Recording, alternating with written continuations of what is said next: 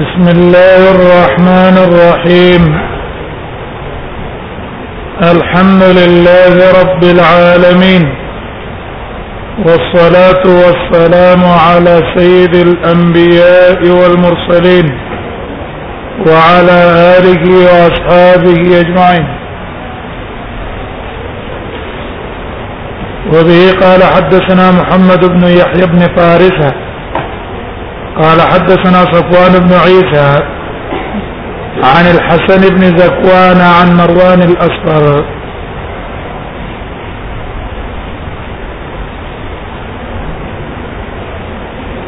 مروان الأصفر روايته قال روي رأيت ابن عمر رأيت ابن عمر ما ولد ابن عمر انا خراحلته چکین ولا خپل سور نه مستقبل القبلة قبلة مخامخ ثم جلس بكين استو يبول اليها شاغت امتياز کوله قبله ته مخ کړو او خپل د قبله په منځ کې سورلې ساتر وګرځولا یو حجاب وګرځو فقلت يا ابا عبد الرحمن موت لي باب عبد الرحمن ابو عبد الرحمن كنيه عبد الله بن عمر الیس قد نهی عن هذا هغه دینه من نه دراغله د قبله ته مخ کول وخت د سمات کې دینه کوم نه راغله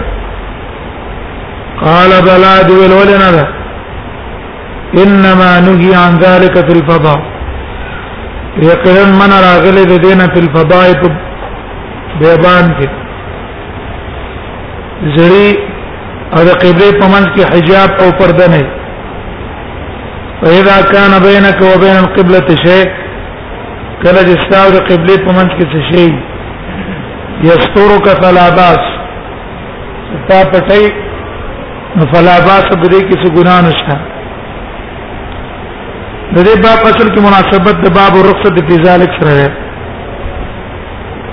زګه په دې کې استقبال لاغله په بنیان کې عبد الله ابن عمر دا د عمر بن خطاب دی ده د پلار شي ایمان دا وړه ده د ماشومو بلوغ سلانو رسیدل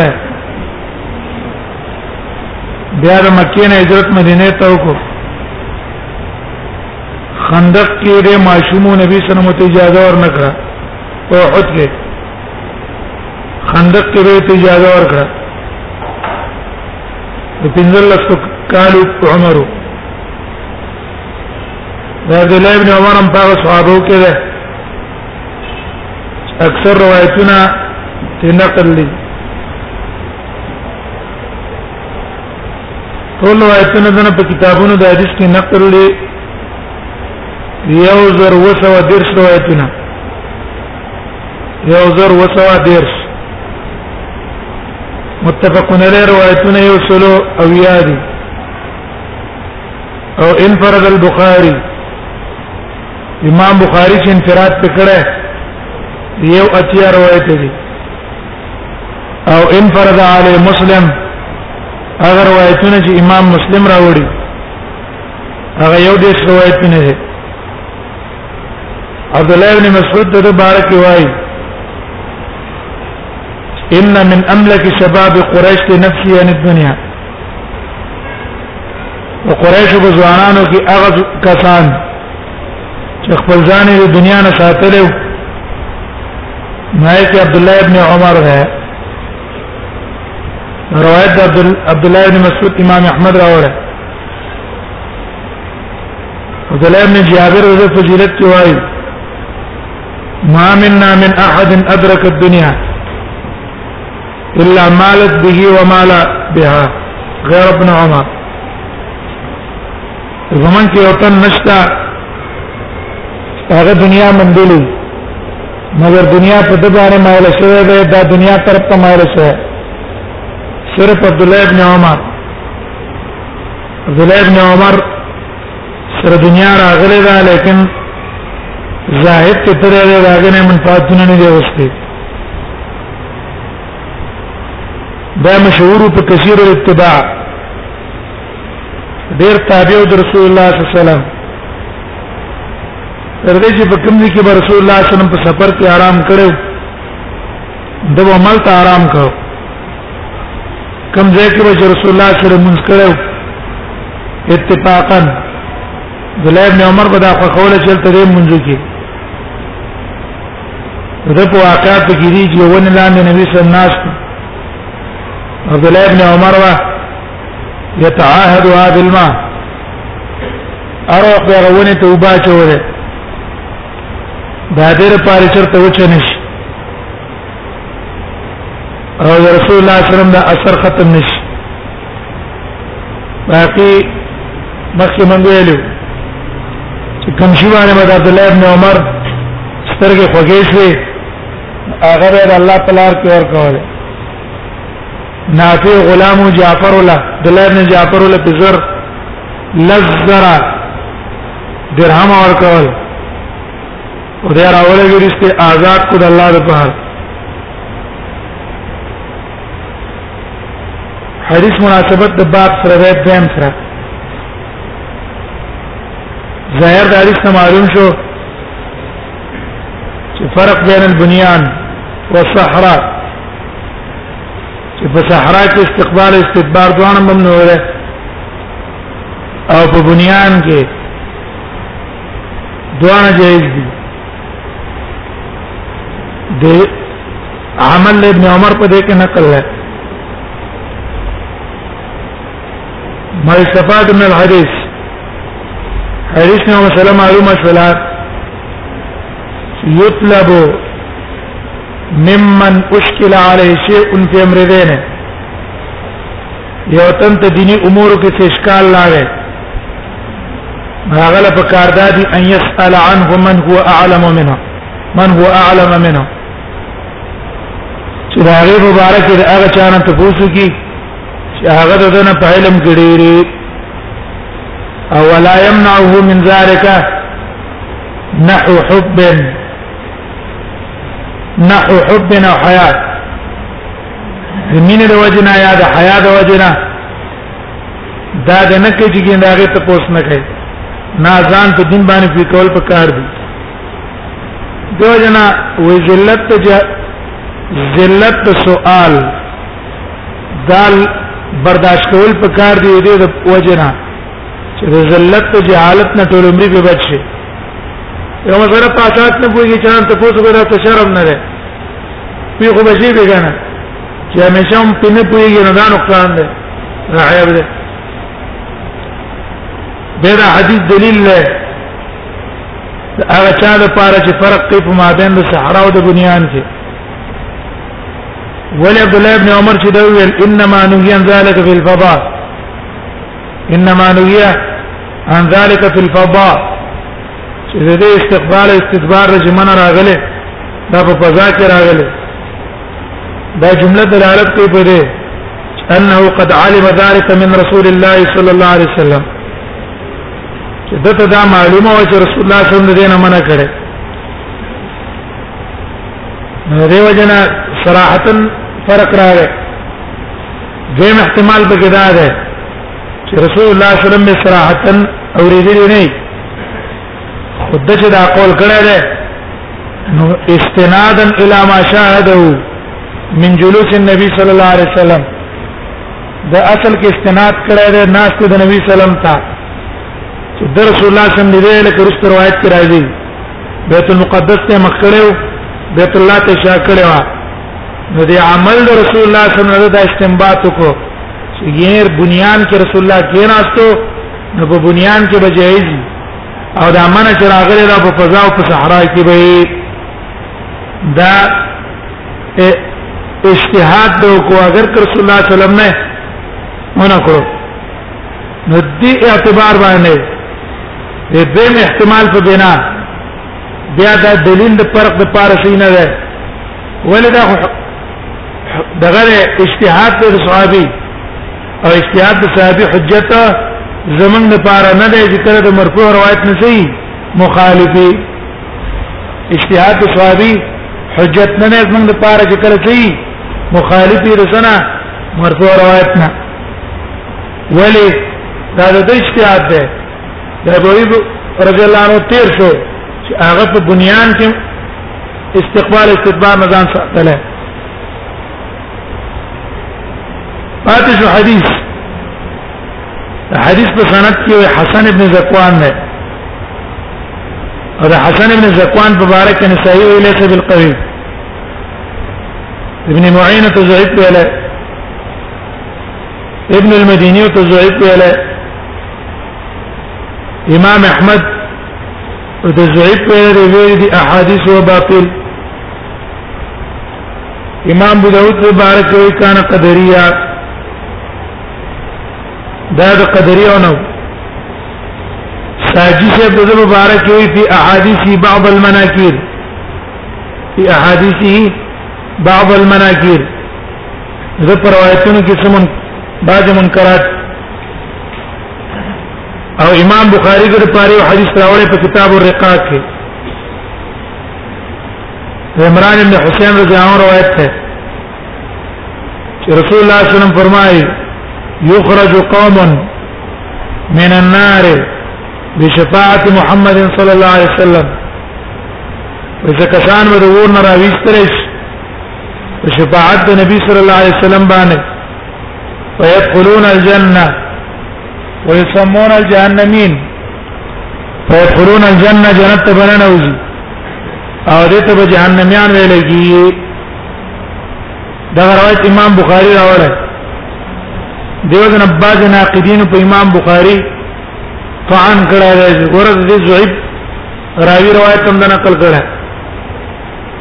علماء جواب کړه امام بخاری دې دا حدیث راوړی د شواهد د وجه راوړی د حدیث د پاره شواهد دي دا هغه د وجه دا روایت راوړی وبي قال السنه باب الرخصه في ذلك بعد باندې رخصت پدې کې لذالک ضمیر چا تراجه ده لذالک ضمیر راجه ده مخکې ترجمه الباب ته مخکې ترجمه الباب څو باب کراهیت استقبال القبلة قبله ته مخ کول مکروه دي دلته اوس باب رخصت فی ذلک باب له بیان د رخصت فی ذلک بد استقبال کې خو بیا په دې باندې اعتراض دا ده ګورب په ترجمه الباب کې شو جواز الاستقبال لیکن په احادیث کې استقبال نه ده ذکر استدبار ذکر ده حدیث کې ذکر استدبار ده دا دی ګورئ الله له بنا تین مستقبل بیت المقدس له حاجته بیت المقدس ته مقصود بیت الله تشاش وکنه جابر روایت ته ان النسق خا مدا حدیث به ترجمه الباب سره کومه مناسبت نه خوري نو دیو جن علماء هغه جواب دا کړی یو جواب چې مصنف رحم الله د دې حدیث نه استقبال جائز ثابتې علی سبیل القياس حدیث نه ثابتې ترجمه الباب ثابتې علی سبیل القياس ګورا د حدیث کې استدبار جائز شو نو استقبالم جائز شو نو اثبات د ترجمه الباب ته علی سبیل القياس استدبار کله جائز نه استقبال هم جائز یا دیم جواب دار ہے ال ترجمه الباب کې اکتفا د پاسنی ترجمه کې د قبيله د سرابيل تقيكم الحر ال تحذف شيء کنه سرابيل تقيكم الحر والبرد الله تعالی کمیشنونه درکړي په هغه باندې د ګرمۍ د اخنې نه ځان ساتي او من بعد الاقتطاع صرف حرف حر ذکر کړو برد پرې خوسته دلتم کراهیت استقبال القبلة واستدبار عند قضاء الحاجه پاس ترجمه الباب کې نو استدبار حذف کو مقایسه استدبار حذف کو مقایسه نو ذالک هغه ته ضمیر راجع شو نو د اولنی حدیث د چا سره مناسبت شو په جواز د استدبار کې او د لاندنی حدیث مناسبت شو د چا سره جواز د استقبال کې جابر روایت کې استقبال ہے حدیث د عبد الله ابن عمر کې استدبار ہے د مصنف رحم الله په دې باب کې اشاره کوي دی ته چې کوم احادیث کې چې من راغله دا حدیث د من محمول په تنزیه خلاف اولادا چې قبله ته سره مخ کی یا شا کی یعنی شاکول او مکول په بنیان کې جایز دي وبي قال سنا عبد الله ابن مسلم عن مالك امام مالک نے روایت ہے مالک مخکې من ترمذی کې ویل مالک ابن ابي عامر کنیه ابو عبد الله المديني فقيه هم ده محدث هم ده امام ابو حنیفه فقيه ومحدث نو امام مالک امام احمد او امام شافعي دا فقيهان ومحدثان دوانو محدثین او فقها دوه صفاتونه په دې کې جمع او احد ائمه الاعلام نه مشهور دی په امام دار الهجره امام دار الهجره د لقب ده زګه په مدینه کې د نبی صلی الله علیه وسلم په جمعات کې درس ورکاو واستوانه عائشه د عائشه رضی الله عنها کوم ستانه جره استوانه تو عائشه په نوم الته به غره والي و درس به ورکاو درنه هجری کې پیدا شوه او مسند د فتوی چې کیناستو الا کیناستو چې او یا علماء له اقرار کو جدا امام ده او اهل له فتوی دیوشتو کال یا د ولسو کال په عمر کې کېناستو دی ما په خپل لاس باندې یو لاک حدیث لیکلی یو لاک لیکن امام مالک بارک راځي صبرناک انسان او ډېر وقار والا انسان او مبالغا فی تعظیم العلم د علم ډېر عزت احترام او اکرام وکړ کله به طلبا د کور ترال دروازه به د اوډه مولا د یو خادم او هغه به ورولې غلا چې تاسو څه شي غواړئ نو کاغي به چې موږ امام مالک لراغلي احادیث دې زده امام مالک رحم الله به او د څوکړو یا به غسل وکړو پاکه جامې به واچولې خوشبوې به ولګوله او خپل یو خاص غدی هغه به واچوله او به به حکم کو چې بده ما زیکه خوشبوې ولګوي بخور ولګوي بیا په خپل بستر باندې ډېر په خوشو په غزو کې ناس دا د وجه تعظیم رسول الله صلی الله علیه وسلم احادیثنا چې رسول الله صلی الله علیه وسلم احادیث تعظیم ده او په اول مقدمه کې مونږ ویلو چې ول زې لړم چې شپاله زې لړم چې چلے لیکن احادیث د رسول الله صلی الله علیه وسلم درس منقطع نه کو منقطع نه کو بلکې هغه جاری وساتو او چا به چې د په مجلس کې چت आवाज باندې خبرې کولې امام مالک بوته لا ترفع اصواتکم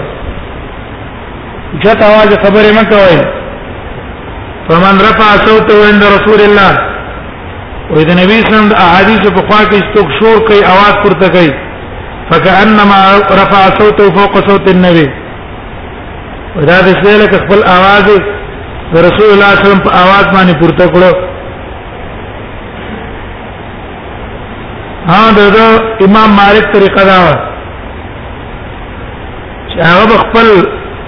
شاګردان تر وخت دا مسلې ورکوي چې په اړه مسله کې جواب مو ورکوي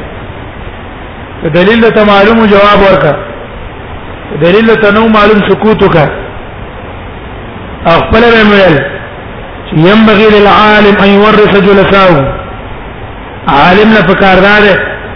چې هغه خپل شاګردان ته دا خبره ورکوي چې لا ادري يتخذوا اصلا في ايديهم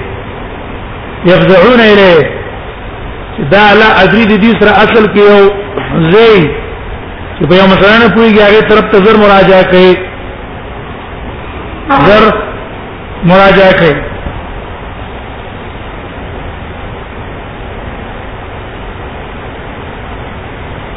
په دې وجه هغه ته وکړي مراجعه هغه ته وکړي معنا شاګرد دې ته تیارول پکار دي یو ځای موږ تاسو مون پاره مسله کې جواب نه کوي چې بس وایي دا جایز ده نه جایز ده په دلیل نه پويګو نه چې نه پويګو نو تاسو به وګورم دا څه کما زه به وګورم په دې باندې سره به دي نه ښکاری او نه په دې جایز ښکاری یو تن راغی د مسلې ته پوښتنه ته وکړه نو ډېر مسلو کې جواب ورکړ ډېر کې ته جلا درې چاو ته جوړه مخ دغه نه راغلی یمن نه راغلی ته لا درې هغه ته ویل چې لاشه یمن ته او چې چا څه ملاوي دی او ته وایې چې امام مالک ما تیل پر پلان کوم مسلو کې جلا درې دا خو ځای خبره نه ده سره په کوم چې نه پوي کوم خبره پوي نه دا آیت نه ده دیو جن دا د کم عالم خبرې جزر جواب ورکړي دا شته نشته ذخیره د علم ډیره غټه ده چې موږ ته معلومه نه ویل به جواب کو ان د شوی چې ما نه دا اورېدل تا ته نه آشنا خبره تیر ما په خپل نه دا اورېدل او څه وایم دې کې نو دا عادت له اخره بیا د دې باره کې راځي دا وفات شوی دی او یو سونه بیا یو سونه بیا او په مدینه کې د پنځه وسم دا قبر او مدینه کې جنت البقیع کې ده امام مالک رحم الله د صحابه سره نږدې پروت دی لګه زندگی لګولې ده خو دین ته ځان قربان کړو الله ولا یو غټ من قبط ول ورکو یو غټ من قبط امام مالک بارک راځي هغه د گورنرانو د وزیرانو د دې سره پروا ساتل امام شافعي دا د امام مالک شاګرد دی امام شافعي تیمو دو کالو چې پلار مړ شو کله چې لږ بلوغ ته ورسېدو هغه راځه دا چې په مدینه کې د امام مالک درس کې شامل شي نو د امام مالک ته د مدینه گورنر شپارښتونه دلته د مکه گورنر سره امام مالک بلتیا هغه تی ویل چې ته د مدینه گورنر ته شپارس وکړه چې ما امام مالک ځان ته ونیس د مکه گورنر مدینه ته ولیکل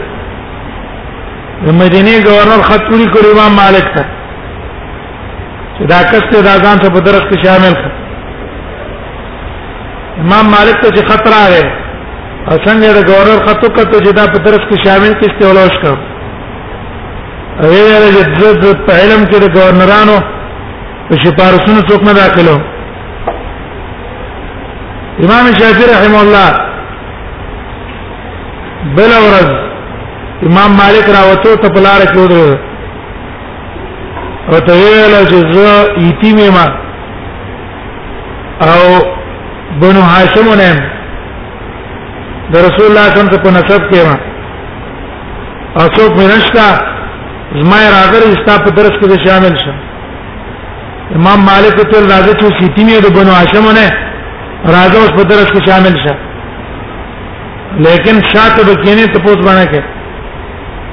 بس صرف سما به کې ستا حق ته پوس باندې بس امام مالک په درس کې شامل شو امام شافعي رحمه الله یو مسله رااله امام مالک نه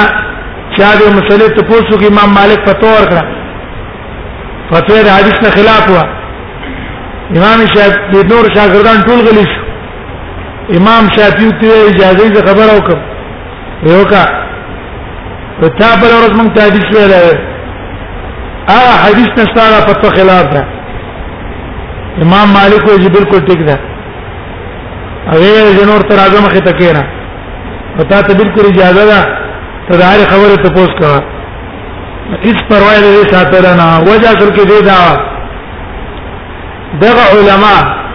استغنا ولو استغنا د الله سره تعلق او د الله په دین باندې مسو هغه د مالدارو د گورنرانو د پیسو والا د مالدارانو د دې سره لحاظ ساتونه دا مالدار دی که څوک دی بادشاہ دی سره دې پروا نه ساتلا بلکې د هغه د اختلاط نه حتی ورځ ځان ساتل عطا ابن ابي رباح قصه تاسو ورته خپل حبشي رن تور غلام آزاد شوه اشلو مخ په باندې ګډ پلاس باندې شل اته سپي پوزه پیتا پوزه پیتا وين لندو لكن امام الحجاز سليمان ته یو مسله پیښ شو سليمان بادشاہ دی د وخت او شخصي بادشاہ نه وي شخصي چې په کې چیت کار نه سولرل هر ځای کې ګورنر رورو ورورونه به ځامن وي او هغه بادشاہ عطا ابن برباح تراله او تکین اصله عطا په خپل مانځه باندې په ذکر کې مشغول و یو تشاعت ناس کو ځامنه مسرو نو ټول غاړو ته بار ولاړو دنه ورتلې نش عطا ابن ابي رباح بارک شو دته مسلې ته پوسو کو سر عطا ته ځانې دي اسلامي رومین یا فلانه جواب ورکو سروان جو سليمان سليمان خپل بچو ته یا یا بنیا لا تنسوا ظل العلم اے زامن د علم ذلت تیر نه کړي زه بادشاہ ما خلق من سونه اکرام کوي عزت مې کوي لیکن دی عالم ته زه په علم کې محتاج هم سونه په ذلت تناستم اسونه انتظار مې وته کو دوی عبد الملک بارک راي دا عبد الملک مکه ته راغی عطا ابن ابي رباح حل تورغه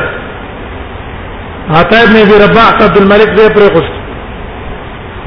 ويا عطا څنګه راغله هغه ته خبره وکي چې د حرم او د مکی بي ذاتي مکوا پلان کې مکوا پلان کې مکوا به خراب کوما وستا ما ته ساجت ته وېز ما ته ساجت نشته نه مې تاجت سره مې ته ضرورت شته دا سره روان شو د استغنا بالله وداغي د محدثینو په استادانو کې استاد دی هغه تددی بن امیه یو گورنر راغی نصر ابن محمد نومې ده د ابو دلف ابو دلف دا د جبل علاقه وا دا غي گورنرو دا غزي ولا راغه د دې لپاره چې را حدیث تجده کی ما ته حدیث وي چې کله دې علاقه تراغه دا علاقه والا خلک د څه مرګري شو زدا خود گورنر علاقه گورنر زیره غټ استقبال باندې د محدث کور ترال محدث ته دروازه اوډه وره ډیر ونه وته بیا د خلکو دروازه اوډه وره او ویل چې جب ملک جب ابن ملک جبل على الباب وانت لا تخرج جبل علاقه د زی په دروازه باندې ولاړ لته نه راوځي هغه نور مثال ترونه وته چې خا تاسو لا جبل دونه ورخکاری او دا علم تاسو عالم تاسو دونه وقار نشته خو ایثار شو بیا دا غین رسو ځان ته وته روټه راوغستا او په صادر په پیچ کې لسی کې خوستا روازه کلا وکړه او خلکو ته مخاطب شو او دا غزوی ته مولې الله گورنر زوی چو چې من اکتفا به هاذا چې سره په دې روټي باندې اکتفا کوي هغه د جبل د زوی او د جبل د بادشاہ گورنر پروانه ساتي والله لا احدثك بحديث قسم په الله کې چې ته بیان کوم ځه دا ځینې واپس کو دا ولې استغنا وا الله سره تعلق ځکه د عزت او اکرام ول الله ور کړو عزت او اکرام ول الله ور کړو ځکه اعتناء بالله وا اکتفاء په الله باندې وا دیو نه په الله باندې اعتماد پکار دی او په هغه باندې اکتفاء پکار ده الله بتا بوزي دا مولا چې الله عزت ور کړو دی په تقوا او په دینداري باندې ول ور کړو امام مالک امام دار هجره ده الله دا مخکې مرتبه ولا ورکړه رسول الله د احادیث احترام او عزت کو او اکرام کو قدر کو د علما د بادشاہانو او د دې هیڅ پروا نه ساتله یره پلان کې بادشاہ په مال سره کې او شی بر علاج سره یې پروا ساتلې نه دي زیارت رجل سره بوکدم کړ پاره ترغیب دغه د علماو احوال چې کله کله سره بیانې سره ترغیب لپاره سره د صفات منګم ځان کې پیدا کو چې الله په کوم شی باندې هغه مخکې بوتري اقا شی شی باندې منګم الله مخکې بوزي هغه له چې په کوم شی الله عزت ورکړي هغه به منګم الله عزت راکړي خدا مالک روایت کوي عن يحيى بن سعيد ويحيى بن سعيد عن محمد بن يحيى بن حبان عن عمه واس بن حبان عن عبد الله بن عمر عبد الله بن عمر روايته قال ذا لقد ارتقيت على ظهر البيت بذوقة لما طبس على ظهر البيت باغ چت د کوټه زور دې په لګي د کوټه چت تا لکه هغه شاده کنه هغه شاده او د لاندې طرفه بطن ده معنا دا هغه په چت قتلم دلته ظاهر البيت مطلق ده بعض روایتونو کې راځي بیت حبشه بعض روایتونو کې راځي بیت نبی او باج روایت کې راځي علی ظهر بیتنا نه دا روایتونه من کې تطبیق دا ده کوم روایت کې چې بیت د حبشې ده نو په دی وجه چې دا کور حبشې وو د نبی سلام کورو حبشې له ور کړو او نبی سلام ته نسبت شه دی وجه چې اصل کور داغو او ظاهر بیت نه دی وجه نه ده چې حبسم د عبد الله ابن عمر خور وا ځان ته نسبت کوم نه ازمن کوره په پاره ورو قتلم فرایت رسول الله صلی الله علیه وسلم ما ولد نبی صلی الله علیه وسلم علی بنتین په دوه خصو مستقبل بیت المقدس مخه کړو بیت المقدس تا علی بنتین دین ادب معلوم شو یو امام بخاری په باب کې خیره باو من تبرز علی لبنتین او چت زبانه او دس ما تول د سنت طریقه دا چت زبانه کینه او پاغه باندې او دس ما ته دا سنت ته ګو رسول الله صلی الله علیه وسلم په لبنتین باندې ناشته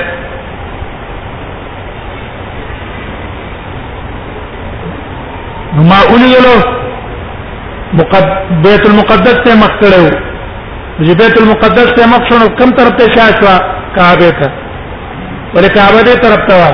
بیت المقدس دې طرف ته چې ال تمخ شو کعبه ته شوا شاش ورزل ته سوال لا ده نبی صلی الله علیه وسلم د تناسته ابن عمر څنګه اولي د فرایت رسول الله علیه وسلم بنته دوه خو باندې ناشته رسول الله صلی الله علیه وسلم د دې چا جواب دا کړه کرمانی صاحب ويحتمل ان يكون ابن عمر قصد ذلك وی کېږي چې عبد الله ابن عمر قصدن دا کار کړی خو رسول الله صلی الله علیه وسلم ټول بربند نو یې ټول په میدان کلاو جناستو بل را راسه هغه اولو د نبی سم سر نور پټو او صرف دا سر یې بر ولا کار کېدو چې ویلو دون ما اداو من سره وی بیا رستو د پکې سوچ کو کو چې رسول الله صلی الله علیه وسلم د شناس ته نه شای کم طرف ته چټي کم طرف ته مخې کم طرف ته دا غې نه قیاس دا کو چې رسول الله صلی الله علیه وسلم بیت المقدس ته مخ کړه بیت الله ته شا کړه نو ټول بدن نه دی کارا ورسول الله صلی الله علیه وسلم صرف سر کارا کېدو واړه واړه دیوالونه چې ول پور را رسیدو ورنه بر رسول الله صلی الله علیه وسلم سر کارا کېدو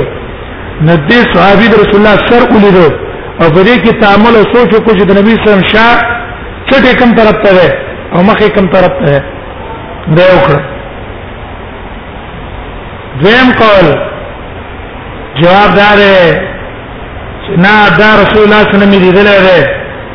خدا د رسول الله صلی الله علیه وسلم باندې نظر د ناچاپی لګیدل ناچاپی برختو په یو کار پسې اسنا چاپی نبی اسلام اولیدل او په نظر الفجاعات کې مؤاخذه نه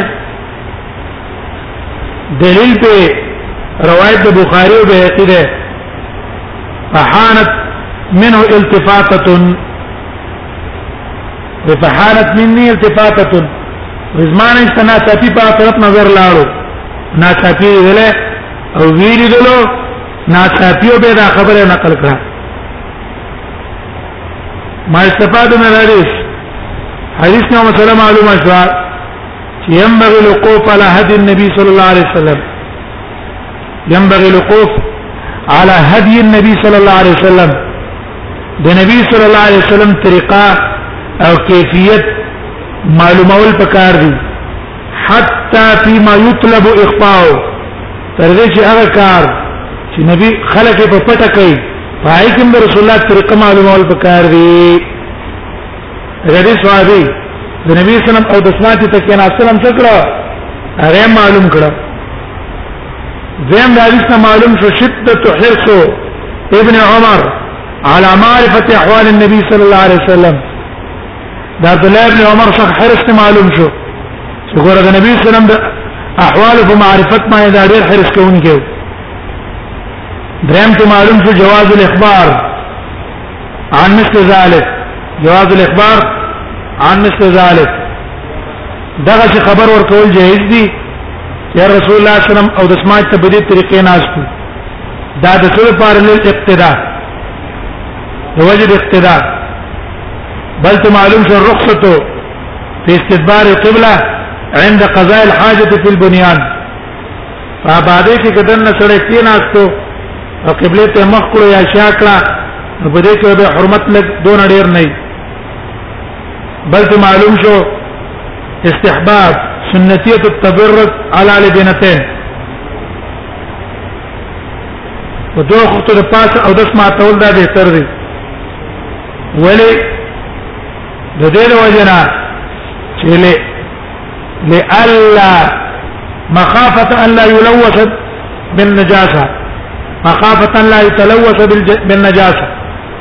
د دې یې د وجنا سره چې په نجاست به تګند نه شم د دې د وجنا دا ته معلوم شو وبي قال سلام ابن بشار قال سلام ابن جرير ها اورني علماء چې مطلقاً وایي هغه د حدیث نه جواب دا کړی چې دا حدیث معارض نه ګرځي د احادیث د من مطلقاً سره وجه دا ده چې موږ جواب کړو حدیث ابن عمر قولی ده دا فعلی ده او حدیث سلمان او ابو هريره قولی ده او قاعده دا ده چې تعارض راشي په مابین د قول او فعل کې نو ترجیح به قول لې ده قول قاعده کلی ده زموږ ترجیح دا ده حدیث د سلمان او د ابو هريره محرم نه او حدیث د ابن عمر مبيح ده حدیث د سلمان او د ابو هريره محرم نه چې مخکې ول جایز نه لري او حدیث د ابن عمر مبيح ده او قاعده اصوليه ده ده کله چې تعارض راشي مابین د مبيح او محرم کې نو ترجیح به مونږ چاله ورکو محرم لرا دا تعارض راشي ما بین دا استحباب او بدعت کې کنه بدعت نه ځان ساتي دیو جنا هغه موږ راځي کو درې موجه دا دا دعوه عامه ده او دلیل خاص ده دعوه تاسو دا ده چې استقبال او استدبار په بنیان کې جائز ده په صحرا کې جائز ده او دلیل کې څه ثابت شو صرف استدبار راغې نه استقبال او حدیث جابر کې بیا غ استقبال امراضي پسې وبي قال سمعت بن بشار قال سمعت وهب بن جرير قال حدثنا ابي قال سمعت محمد بن اسحاق وما محمد بن اسحاق نوري لي يحدث عن ابان محمد بن اسحاق کی اختلاف ته جره دا دروان کوم روات نه راجی قول دا دی دا روات د حسان نه دی خو مدلس دی کارانه وکړه انانه مقبوله نه ده او که تصریح په سما باندې وکړه ټیک ده عن عبان بن صالح عن مجاهد عن جابر بن عبد الله جابر بن عبد الله نے روایت ہے قال نهى نبی الله صلی الله علیه وسلم ان نستقبل القبلة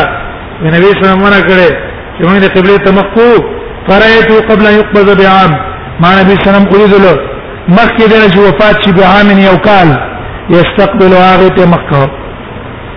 وي مخکې نبی صلی الله علیه وسلم او ما اولید له چې یو کال وروسته ته مخکې دا دلیل دی هغه چا لپاره چې هغه د امانه اوس استقبال او استدبار مطلقاً جائز دی چې په صحرا کې او په بنیان کې ولې جابر دا لیدل دی خیر سنسته چې بنیان کې او غیر بنیان کې لیکن دې جواب من کړو ابن قیم تهذیب کې وایي چې دا د محمد ابن اسحاق تفرد ده تښوا او انانه کړی دا تفرد کړی محمد ابن اسحاق انانه نه کړی حدیثو ده او محمد ابن اسحاق